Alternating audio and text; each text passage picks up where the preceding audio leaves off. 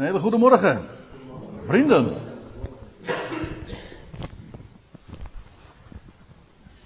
Hartelijk dank voor, de, het welkom. En eh, ik ben blij dat ik na een halfjaartje hier weer een keer mag terugkomen. Want het was in oktober dat, we hier, dat ik hier ook uh, mocht zijn. En ik wil u vanmorgen eens uh, bepalen bij, bij dit onderwerp. En ik kan me voorstellen dat een aantal mensen eventjes geholpen moet worden om überhaupt de titel te begrijpen. Bent u een monotheïst? Wat is dat? Een monotheïst. Dat is een hele mond vol. U zegt misschien dat is volgens mij geen Nederlands. En dat klopt. Want monotheïst, dat komt eigenlijk uit het Grieks. Eén woord herkent u sowieso al, lijkt mij, mono. Staat tegenover stereo of poly. Hè? Je kan, je kent bijvoorbeeld, maar dat is een ander begrip. Je kunt monogaam zijn, maar je kunt ook polygaam zijn. Dat wil zeggen één partner in het huwelijk hebben of meerdere huwelijkspartners. Ja, dat bestaat ook. Nu hebben we het vanmorgen over monotheïsme. Of eigenlijk dat woordje the, theïs, dat komt van het Griekse woord theo en dat betekent God. En monotheïst betekent iemand die gelooft dat er één God is. Slechts één God is. En ik zal u vertellen hoe een buitengewoon belangwekkend onderwerp dat is. Als je aan een Jood vraagt, wat is het aller, allerbelangrijkste wat jij gelooft? Gewoon op basis van jouw heilige boeken, de Tenach, de Hebreeuwse Bijbel. Dan zal hij onmiddellijk zeggen, van, van orthodox tot vrijzinnig en alle schakeringen daartussen, dan zal hij zeggen, het, het Shema. Hoor Israël, de Heere onze God, de Heere is één. Daar staat hij mee, naar, daar staat hij mee op, s morgens. En dan gaat hij mee naar bed. Het is het eerste wat een, een Joods kind op school leert. En het zijn ook de woorden die idealiter ook gesproken worden op het sterfbed, als laatste. En het is bekend dat uh, vele Joden destijds in de gaskamer ook met deze woorden op de lippen Hoor Israël, de Heere onze God, de Heere is één. Dat wil zeggen, Hij is één, uit één stuk, betrouwbaar, wat Hij doet. Dat spreekt Hij, of beter omgekeerd, wat Hij spreekt, dat doet Hij. En, maar ook, er is er maar één. Hij is enig, uniek dus. En dan nog even wat, dat... Uh, om dat even nog nader toe te lichten. Het is niet alleen maar wat een Jood zal zeggen. We hebben daar ook een prachtig Bijbels voorbeeld van. Je leest in, en u moet het na, maar eens nalezen in Marcus 12. Ik heb er geen eens een diaatje van. Maar in Marcus 12 lees je dat een schriftgeleerde tot Jezus komt. En dan, dan vraagt hij, wat is het allerbelangrijkste? Wat is het eerste gebod van alle? Zo vraagt hij precies. En dan, dan, vraagt de Heer Jezus van, nou, hoe lees je? Wat staat er? En dan geeft Jezus zelf als antwoord, hoor Israël, Deuteronomium 6 vers 4, hoor Israël, de Heer onze God, de Heer is één. Gij zult de Heer uw God liefhebben, met geheel uw hart, met geheel uw ziel. Nou, u weet wat er verder volgt. Maar het begint met, hoor Israël, de Heer onze God is één. We praten dus over het hart van de hele bijbelse beleidenis. In het Oude Testament, in het Nieuwe Testament. En ik wil u dat vanmorgen ook graag eens laten zien. En ik wil u ook laten zien hoe dat woordje monotheïsme uh, rechtstreeks ook te herleiden is tot de schrift. En ik wil een aantal passages, en ik ben absoluut niet, dat pretendeer ik ook helemaal niet, uh, compleet. Ik wil u zo een aantal markante schriftgedeelten laten zien waaruit dat volgt en waarin dat gewoon expliciet zo gezegd en geleerd wordt. En ook de enorme betekenis daarvan, daarvan gaan beseffen. Wat betekent dat? Dat er één God is. En laten we gewoon de schrift zichzelf uitleggen. En u zult vanzelf zien, en ik wil daar niet eens zoveel op wijzen. Ik wil gewoon u laten zien wat de schrift zegt. Maar u zult vanzelf zien hoe dat haak staat op zoveel theologie. Dat wat mensen ervan hebben gemaakt. En ik ga, nou laat ik dan ook meteen, dan heb ik dat meteen gedaan, dan zal ik u iets, schokkends vertellen. Zit u uh, allemaal stevig in uw stoel. Je hebt drie, zo, kijk het maar eens na op, op, op internet of het is algemeen bekend. Er zijn drie monotheïstische godsdiensten. En dan zegt men, het Jodendom, het Christendom en de islam. Alle drie pretenderen ze één God te geloven. Ik zal u, en nou komt het. Moslims, maar ook Joden, die zeggen tegen christenen: jullie zijn geen echte monotheïsten. Jullie noemen je ze wel zo. Maar in werkelijkheid hebben jullie verkapt veel godendom. En nu wil ik u laten zien dat dat verwijt, nou laat ik me dan even beperken tot de Joden, feitelijk terecht is. Goed. We gaan eerst naar, eens naar 1 Timotheus 1. En dat is een, ja, min of meer een lofzang waarin Paulus uitbarst. En de vertaling die u hier ziet is een wat letterlijke weergave. Het volgt ook direct en sluit aan bij de interlineair die u hieronder ziet. Dat is de wijze waarop ik meestal dan bijbelstudies geef, waar ik dat ook wil laten zien. Om zo dicht als mogelijk bij die bron te komen. Waar u vooral dan op moet letten is die tweede regel, dat is de meest letterlijke weergave.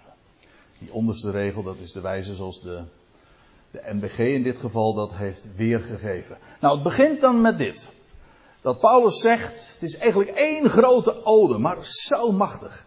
Dan zegt hij, de koning van de Ionen. De Ionen, of de eeuwen, de wereldtijdperken. Dan, dan denkt Paulus, of dan denkt de schrift niet aan tijdperken van 100 jaar, zoals wij het woord eeuw meestal gebruiken, maar aan, aan wereldtijdperken, of het echte Bijbelse woord Ionen. Die een begin hebben, die een einde hebben. God heeft ook een plan van Ionen. En voordat hij er ook maar iets was, had hij een voornemen. En als God een plan maakt, dan is dat perfect. Maar ook, hij beheerst die Ionen. Dat is ook geweldig. Hij maakt niet alleen maar een plan, waarbij hij dan afhankelijk is bij de, in de uitvoering van andere factoren of van andere partijen. Nee, want dan zou hij namelijk dat niet echt meer beheersen. Nee, er is maar één God. Hij heeft een plan gemaakt, maar hij is ook degene die het vervolgens uitvoert. Hij is degene die de Ionen, al die wereldtijdperken, hoe het ook gaat, zelfs deze boze Ion, waarin Satan een God is, en zijn invloed uitoefent en alles beheerst. Uiteindelijk is maar één grote regisseur. Hij is de koning van de Ionen. Dat wil zeggen, degene die de, al die wereldtijdperken beheerst. En dan, en, dan, en dan volgt die tweede regel, en dat wat onderstreept is, is natuurlijk vooral waar het vanmorgen over gaat. Hij, die koning van de Ionen, hij is de onvergankelijke. Alles in de wereld. We kennen, we kennen het fenomeen onvergankelijkheid helemaal niet. Want alles wat we zien, alles wat we waarnemen, alles wat we ervaren ook, is vergankelijkheid. Maar Hij is de onvergankelijke God. De onvergankelijke en bovendien de onzienlijke. Ik zal dat straks ook nog laten zien. God is degene die per definitie niet gezien kan worden. Niemand, zegt Johannes in, 1, in hoofdstuk 1, vers 18, niemand heeft ooit God gezien. Nou ja, hij laat zich wel kennen, maar nogmaals, ik parkeer dat even, ik kom er straks nog even op terug. Eerst even, hij zelf is de onzienlijke. Hij is onvergankelijk. Het zijn twee negatieve woorden. Onvergankelijk en onzienlijk. Niet met de perceptie, niet met de ogen waar te nemen. De onvergankelijke, de onzienlijke, de enige God. En u ziet het hier al in die interlineair. Hier staat dit in het Grieks. Zo heeft Paulus dat opgetekend destijds. 19,5 eeuw geleden ongeveer. Monotheo. En u herkent hier meteen ons woordje monotheïsme of monotheïst in. En dat betekent, de mono betekent enig, uniek. Er is er maar één van. Het is, daar moet ik er ook nog even bij zeggen, het is maar niet iets kwantitatiefs. Zo van hoeveel, uh, hoeveel bomen staan er in jullie tuin? En dan zeggen nou de twee, oh bij ons staan er drie, oh en bij ons één. Dan is het kwantitatief. Nee, het is kwalitatief. Hij is enig, hij is uniek. En omdat hij enig is, is hij ook werkelijk God. Want God is degene die alles, dat is wat het woordje theo eigenlijk ook betekent in het Grieks, dat komt van een werkwoord dat plaatsen betekent. Hij is God, hij is degene die alles een plek geeft.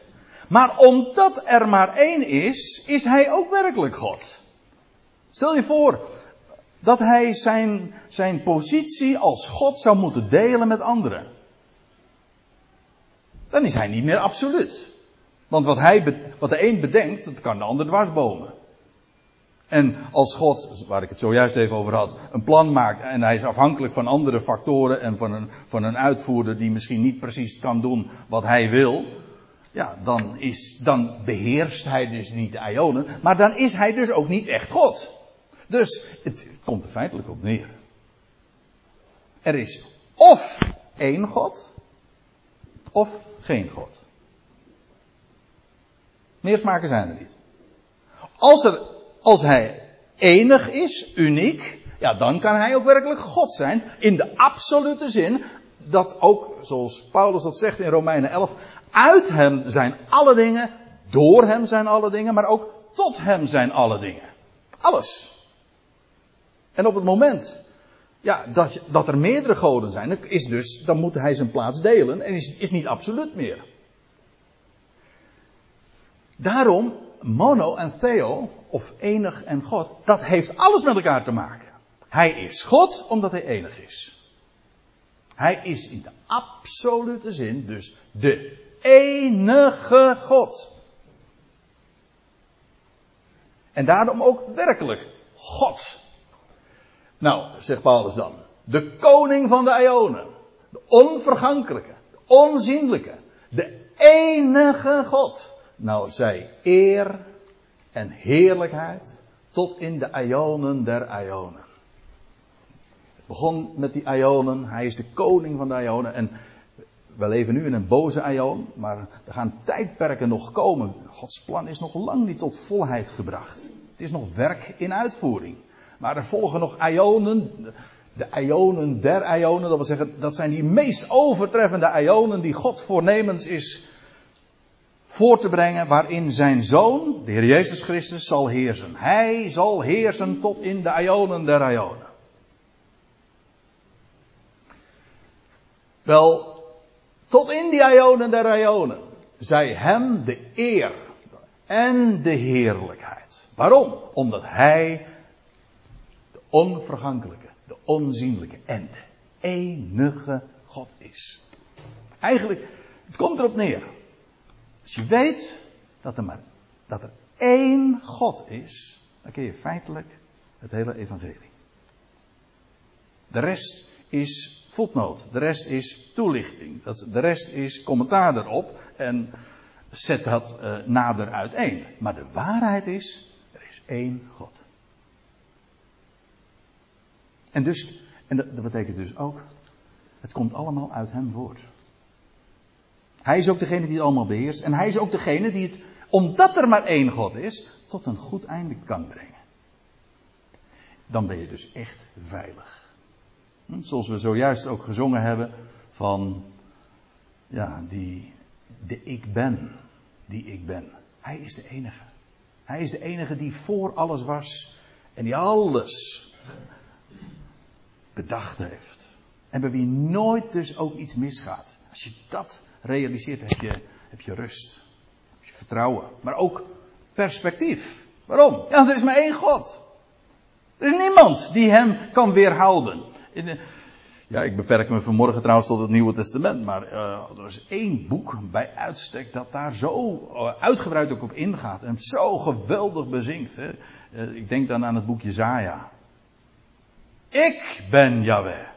Er is geen ander. Buiten mij is er geen God. Ik die hemel en aarde geformeerd heb. En ik die van den beginnen de afloop verkondig. Ik ben God. Niemand anders. En als je dat weet, ja. Van die God ben ik, ben u. Dat zijn al, al die mensen, al die miljarden. Ze zijn daarvan afhankelijk. Hij is die God. We gaan naar een briefje toe. Een heel klein briefje aan het einde van het Nieuwe Testament, zo ongeveer. Vlak voor het boek Openbaring, dat is de Judasbrief. En dat is ook dat, dat is opmerkelijk, dat als dat woordje monotheo gebruikt wordt, dat dat in, in, iedere keer in een lofzang is. Je kan eigenlijk niet spreken over die enige God zonder in, in, een, in een lofzang uit te barsten. Hoe groot en hoe geweldig is Hij. Dan, dan val je op je knieën. Het is één God, de enige. Nou, dan zegt Judas dit. De enige God, en ik herhaal, of ik wijs erop, hier wordt exact hetzelfde eh, gezegd als, ja, als wat we lazen in 1 Timotheus 1, monotheo. De enige God. Kijk, Juda, Judas, Juda, was een Jood. En elke Jood, ik, ik wees er al in de aanvang even op, weet dit. Er is één God.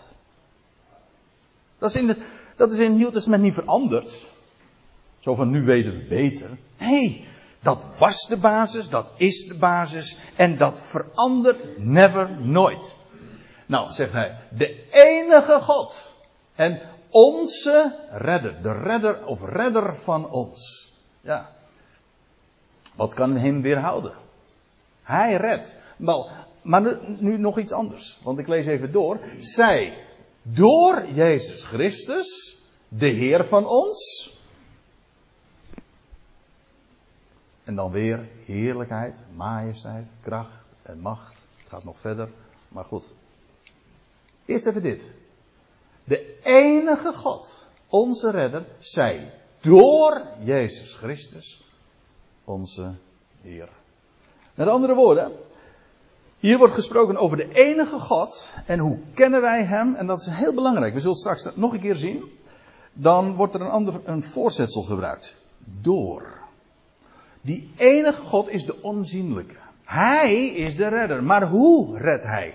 Door wie doet Hij dat? Wel, dat doet Hij door Jezus Christus. Dat is de Heer van ons. In Colossense 1, vers 15. Daar lees je dit. Hij, en dan gaat het over Gods zoon, de zoon van Gods liefde, hij is een beeld. In het Grieks staat daar het woordje, dat kennen we trouwens ook, we kennen veel meer Grieks dan we denken. Daar staat het woordje icon. En dat, dat, in het Engels zeggen we dat ook zo. Een icoon. De Heer Jezus Christus, Gods zoon, is beeld, icoon van de God. De onzichtbare. Kijk, hier hebben we weer een bevestiging van wat we eerder zagen. De enige God, de onvergankelijke, de onzichtbare. Maar wie is dan de Heer Jezus Christus? Wel, hij is icoon van de God. Hij, een icoon, dat is een beeld. Dat wat je kunt zien. God, de enige God, is de onzienlijke. Maar de Heer Jezus Christus, door Hem komt Hij tot ons en door Hem kunnen we Hem zien. Hij is Gods beeld. Wil je weten wie God is, hoe God is, dan, is, dan heeft Hij een beeld. Een mens zou zichzelf geen beeld maken van God. God heeft zichzelf een beeld gemaakt. Zijn beeld, zijn icoon is God.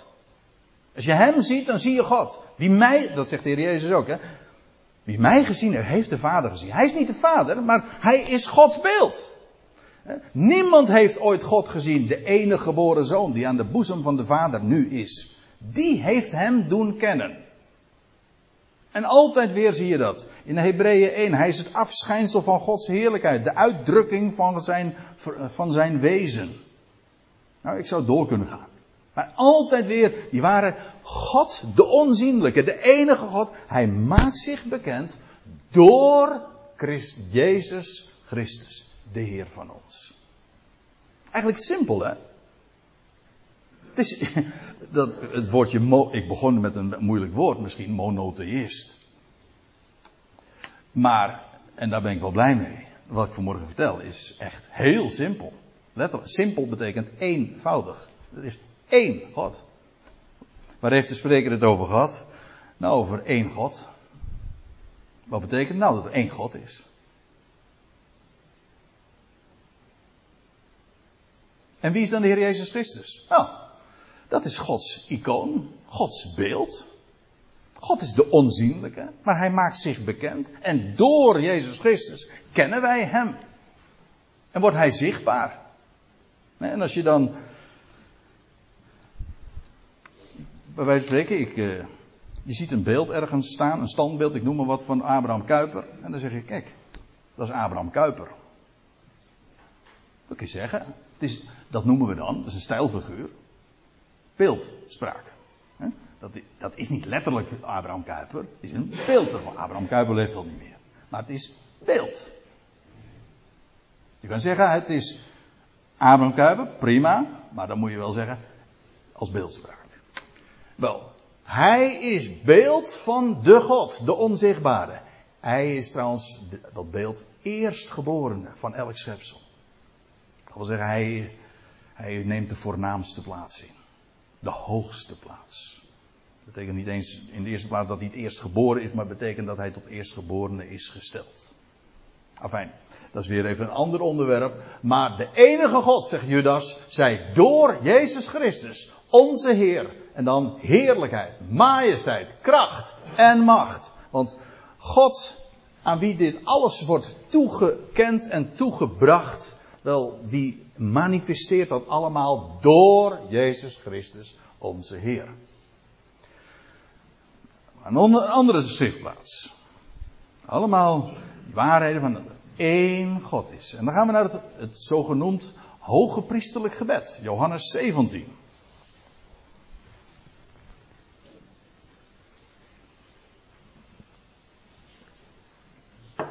En dat is vlak voor Jezus overlevering, dat hij gevangen zou genomen worden. En dan lees je dat hij zich tot God richt en tot zijn vader. En dan staat er dit. Dat hij dan zegt tot zijn vader.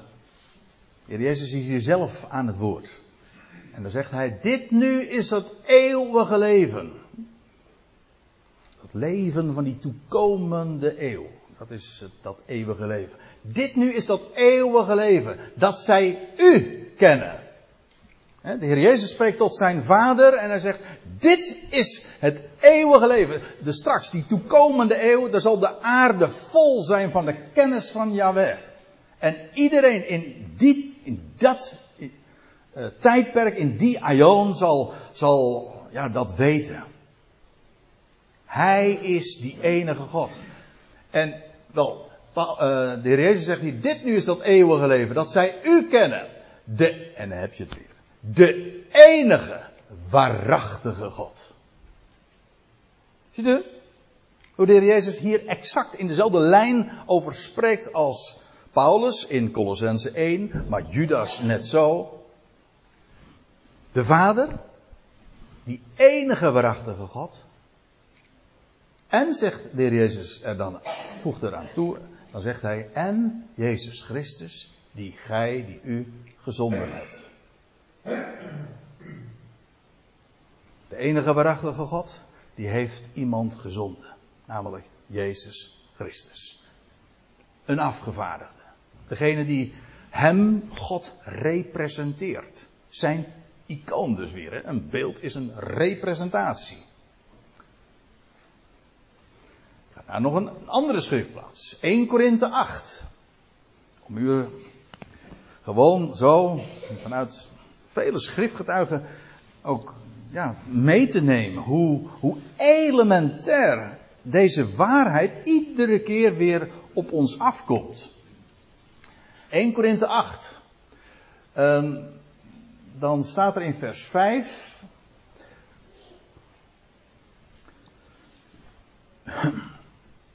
Ja, de, de kwestie die Paulus hier aan, aansnijdt, die laten we even voor wat het is. Het ging, het, kort eventjes uh, samengevat kwam erop neer. Uh, wat moesten die gelovigen daar in Korinthe nou met vlees dat eerst in de afgodstempel had gelegen, wat geofferd was? Mocht dat nou wel of niet gegeten worden? Was dat occult belast misschien of zo? En wel, Paulus gaat daar dan op in. En dan zegt hij, ja, al zijn er zogenaamde goden, het zij in de hemel, het zij op de aarde. En Paulus ontkent dat niet, want dan zegt hij er, even als tussenzin bij, en werkelijk, zijn er goden in menigte en heren in menigte. Dat klopt. Nou lijkt dit eventjes tegenstrijdig met wat ik zojuist zei. God is de enige God. En hier zegt Paulus, nou, er zijn weliswaar goden in menigte zelfs. Niet een paar, maar zelfs in menigte. Vele goden. En ik had zojuist eventjes over, over Satan, de tegenstander. Hij is een god. Hij wordt genoemd een god van deze aion. Mensen uh, worden uh, soms ook goden genoemd. Rechters, koningen heten ook goden. Kijk, een god, een god is feitelijk een iemand die beschikt. Een rechter bijvoorbeeld, maar ook een koning die iets beheerst en die de dingen onderschikt. In relatieve zin zijn er vele goden en velen die heersen. Hè? Vele heren. Heren in menigte en goden in menigte. Dat, dat is allemaal tot je dienst, dat is waar. Het zij in de hemel, zegt uh, Paulus, of het op aarde. In de onzienlijke wereld zijn er wereldbeheersers. Maar ook hier op aarde, hè, dat zijn feitelijk in relatieve zin goden. Jawel, maar nou, maar nou komen we op het eigenlijke onderwerp, want dit is alleen maar even inleiding. Paulus zegt, oké, prima. Er zijn goden in menigte, heren in menigte, tot je dienst, dat is waar. Dat is ook makkelijk bijbels te onderbouwen. God is ook de God der goden. De allerhoogste. Dat suggereert ook inderdaad dat de goden in menigte zijn.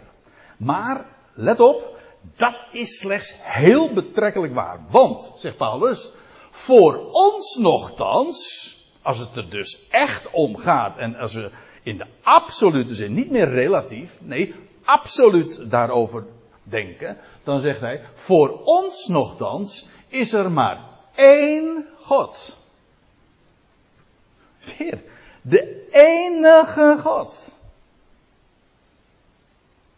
En wie is dat? Nou, lees verder. Voor ons nogthans is er maar één God de Vader. Zegt hij trouwens ook in de Efezebrief. Eén God, de Vader. En u zegt, ja, maar ik heb anders geleerd. Dat, en dan moet ik u zeggen, ik ook. Want er zijn hele doctrines die zelfs uh, bij de ingang staan van, van, van kerkgebouwen en gemeentes. Je moet eerst geloven, de e, drie eenheid. En weet u, dat zijn allemaal termen die schrift niet kent. Als je gewoon alleen maar de schrift wil naspreken, ja, dan kom ik met het, dan heb ik niks met het woord drie eenheid. De schrift kent dat niet. En dan de definitie. Dus één God, zegt men dan. Dat is pas eeuwen later is dat, zijn dat uh, leringen geweest die men ontwikkeld heeft en opgetekend heeft. En nu zelfs tot de standaard beleidenisgeschriften hoort, dan zegt men drie eenheid. Dat betekent dat er één wezen is, maar drie personen. zeggen ze God de Vader, God de Zoon en God de Heilige Geest. En de Bijbel spreekt heel vaak over God de Vader. Eén God de Vader. Maar de uitdrukking God de Zoon is geen mening, maar dat is gewoon een vaststelling. Kunt u nergens in de Bijbel treffen. De Bijbel spreekt altijd over de Zoon van God. Die Gods icoon is, dat is waar. God representeert. Hij is Gods zoon, de zoon van God. Maar die ene, enige, unieke God, dat is, zegt Paulus, de Vader. Niet, en hij, hij voegt er trouwens nog een vers later aan toe. Hij zegt, nou, niet bij allen is deze kennis. En als ik dan in het christendom zo even rondkijk, dan denk ik, nou, dat lijkt me een understatement. Maar voor ons nogthans is er maar één God, de Vader. Uit wie alle dingen zijn en tot wie wij zijn. Hier, let op. Let op die twee voorzetsels die hier gebezen worden. Uit wie alle dingen zijn. God is de, die God, die ene God, de enige God, de Vader, is de bron van alles. Alle dingen komen uit hem voort. Alles. En iedereen. Er is, niet, er is geen alternatief. Hij is die ene God. Uit wie alle dingen zijn en tot wie wij zijn. En, voegt hij er dan aan toe. En één. Hier zou eigenlijk streepjes boven de E moeten staan. Het is niet een God. Het is niet een, geen onbepaald lidwoord. Nee, het is een bepaald telwoord. Eén God. Eh, ja, één God, de Vader, en één Heer, Jezus Christus. En let dan op, door wie alle dingen zijn. God, de Vader, die ene God, uit hem zijn alle dingen. En de Heer Jezus Christus, hoe staat hij dan in die, in die relatie? Welke plaats neemt hij hierin? Wel, zegt Paulus, hij is degene door wie alle dingen zijn. Is het moeilijk? Nou, het is misschien moeilijk om af te komen van allerlei uh, leringen en gedachten waarmee je groot geworden bent. Dat, is, uh, dat geloof ik. Het is ook moeilijk om soms om er vooruit te komen. Maar is dit moeilijk te begrijpen? Dan zeg ik nee, het is eenvoudig. Het is één God. Uit wie alle dingen zijn. En één Heer, Jezus Christus, door wie alle dingen zijn. Nou, tenslotte wil ik u nog meenemen naar 1 Timotheus 2. Waar Paulus ook soortgelijke dingen zegt. Ik zeg wel eens een keer 1 Timotheus 2, dat lijkt een soort van mission statement van Paulus. Waarbij hij aangeeft van ja, waar, waartoe is hij nou geroepen? Hij zegt in, uh, in vers, uh, vers 7 zegt hij dan, ja, ik, hiertoe ben ik geroepen. Ja, hoe zegt hij het nou precies? Dan moet ik eventjes de Bijbel zelf erbij opslaan, want ik heb er ook geen diaatje van. Hij zegt, ik, vers 7, ik ben daartoe als een verkondiger, als een heraut en als een apostel gesteld. Ik spreek waarheid, geen leugen. Als een leermeester van natieën in geloof en waarheid. maar laten we even lezen. Bij het onderwerp. Dan zegt hij in vers 5 dit. Want er is één God. Weer. De vanzelfsprekendheid. Hè? Er is één God. Ik moet er even iets bij zeggen, want hij begint met want. En ja, ook daar heb ik even geen diaatje van. Uh, want waar, waarom schrijft hij dat? Nou, hij had gezegd in vers 4. Is goed en aangenaam voor God, onze redder, die wil dat alle mensen gered worden. En tot besef van waarheid komen. Dat wil God. Wat wil God? Dat alle mensen gered worden. En dan zegt hij, want er is één God. Dat is het motief. Waarom wil God dat alle mensen gered worden? Nou, er is één God. Hij, die ene God, is degene uit wie alle dingen voortkomen. Het is allemaal werk van zijn handen. En hoe is het ook alweer met het werk van zijn handen? Vandaag klinkt het weer in vele protestantse kerken. Onze hulp is in de naam van de Heer. Ik weet het wel allemaal heel erg goed. Ik vond het wel zo mooi als de predikant zo begon. Onze hulp, onze hulp is in de naam van de Heer die hemel en aarde gemaakt heeft. Die trouw houdt en die nooit laat varen de werken van zijn handen. Is die ene God. Hemel en aarde bedacht heeft, gemaakt heeft. Is werk van zijn handen. En omdat het werk van zijn handen is, laat hij dat nooit varen. Daarom wil God dat alle mensen gered worden. Want er is één God. Daarom. Er is ook niemand trouwens die hem daarin kan dwarsbomen, want er is maar één God. Dat is mooi, hè? Dat is altijd safe. Maar die ene God ziet altijd goed. Als hij iets in zijn hart heeft, wat, dat zingen we toch ook hè, in een lied, wat zijn liefde wil bewerken, ontzegt hem zijn vermogen niet. Het is niet zo van, ja, hij wil dat nou wel graag, maar ja, ja weet je, hè, er zijn zoveel andere goden, andere factoren die hem daarin dwars Er is één God. Want er is één God, zegt uh, Paulus. En, zegt hij, eh, voegt hij er aan toe, ook één middelaar. Zo uniek als God is, zo uniek is ook die middelaar. Eén God en ook één middelaar. Van God en mensen. God en mensen. En wie is dat? Wel, dat is de mens, Christus, Jezus. Eén God, de mensheid, en daartussen is daar de middelaar, Christus, Jezus. God komt door hem tot de mens.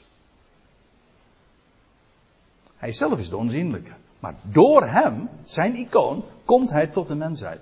Maar omgekeerd ook, de mensheid komt alleen door hem. Er is geen ander.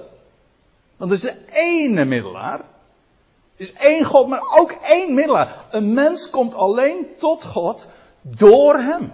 Ziet u hoe belangrijk dat voorzetsel door is? Door Jezus Christus, alles.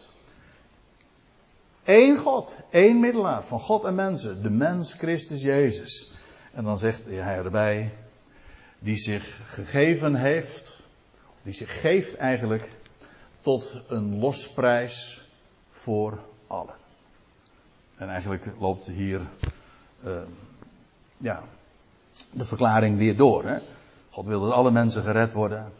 En hij heeft daartoe een middelaar gegeven. En die gaf zichzelf. Tot een losprijs. Hij betaalde de prijzen. Natuurlijk denken we dan in de eerste instantie aan, aan Golgotha. Daar stierf hij. Er stond een kruis in deze wereld. Waarom? Omdat God wil dat alle mensen gered worden. En hij is die middelaar. Hij is die ene middelaar. En hij betaalde de prijs voor iedereen. Niet voor enkele. Niet voor velen, ook niet voor heel velen, voor allen. Al die miljarden mensen zijn gekocht en betaald. De prijs is voor hen betaald. Wat een garantie, mensen. Eén God, één middelaar. En zegt Paulus er dan bij. Nou, en, ik zei al, ik heb dat diaatje er niet. Dat moet ik er, als ik het er op internet zet, voeg ik het er nog wel eventjes aan toe. Maar ik lees het nog een keer. Ik lees het gewoon nog een keer. Want er is één God. Ook één middelaar van God en mensen, de mens Christus Jezus. Die zich gegeven heeft tot een losprijs voor allen. En, zegt Paulus daarbij, en daarvan wordt getuigd de juiste tijd. En dan voegt hij eraan toe, en ik las het zojuist al voor, als, als zijn mission statement. Hè. Daartoe, dit is wat ik te melden heb. Hij zegt, ik ben daartoe als een verkondiger, letterlijk als een heraut en een afgevaardigde gesteld. Paulus is een heraut. Overal waar hij kwam. En hij heeft heel wat gereisd. Al die werelddelen die hij bezocht heeft, heeft hij iets bekendgemaakt. Hij was een heraut. Van wat? Van de waarheid dat er één God is. Dat wist eigenlijk alleen maar, dat wist alleen een Jood. De rest was allemaal veel godendom, meer godendom. Paulus wist en mocht bekendmaken, er is één God. En er is één middelaar. En die ene middelaar die heeft zich gegeven tot een losprijs voor allen. Hij zegt, en ik ben daartoe gesteld om dat te vertellen. Wat is de boodschap? Eén God. één middelaar. De prijs is betaald voor allen. En die God, die wil dat alle mensen gered worden. Ik ben daartoe gesteld als een heraut, als een afgevaardigde. En zegt hij erbij, om het te benadrukken, ik spreek waarheid, geen leugen. Alsjeblieft, dit is het. Spreekt waarheid geen leugen als een leermeester van natie in geloof en waarheid. En dan denk ik, nu leven wij zoveel eeuwen later. En deze, deze loopt op zijn einde. En deze waarheid die Paulus opgetekend heeft, staat nog als een rots. Daarop kun je bouwen. Wat hebben we te vertellen? Wat hebben we de wereld te vertellen? Het is één God. Het is niet simpel. Het is niet, ja, het is wel simpel. Het is niet complex. Men zegt het is allemaal ingewikkeld. Dat hoor ik heel, heel vaak als mensen over, over God praten. En dan hebben ze het over, nou ja, dat woord wat ik net zo gebruikte, drie ene. Zeggen ze, ja, dat is heel ingewikkeld. Dan weet ik al meteen, oh, dat, is, deugt niet. Maar de waarheid is simpel. Er is één God. Een kind kan het begrijpen. En er is één middelaar. En die gaf zichzelf tot een losprijs voor allen. Unie. Ja, uniek is hij.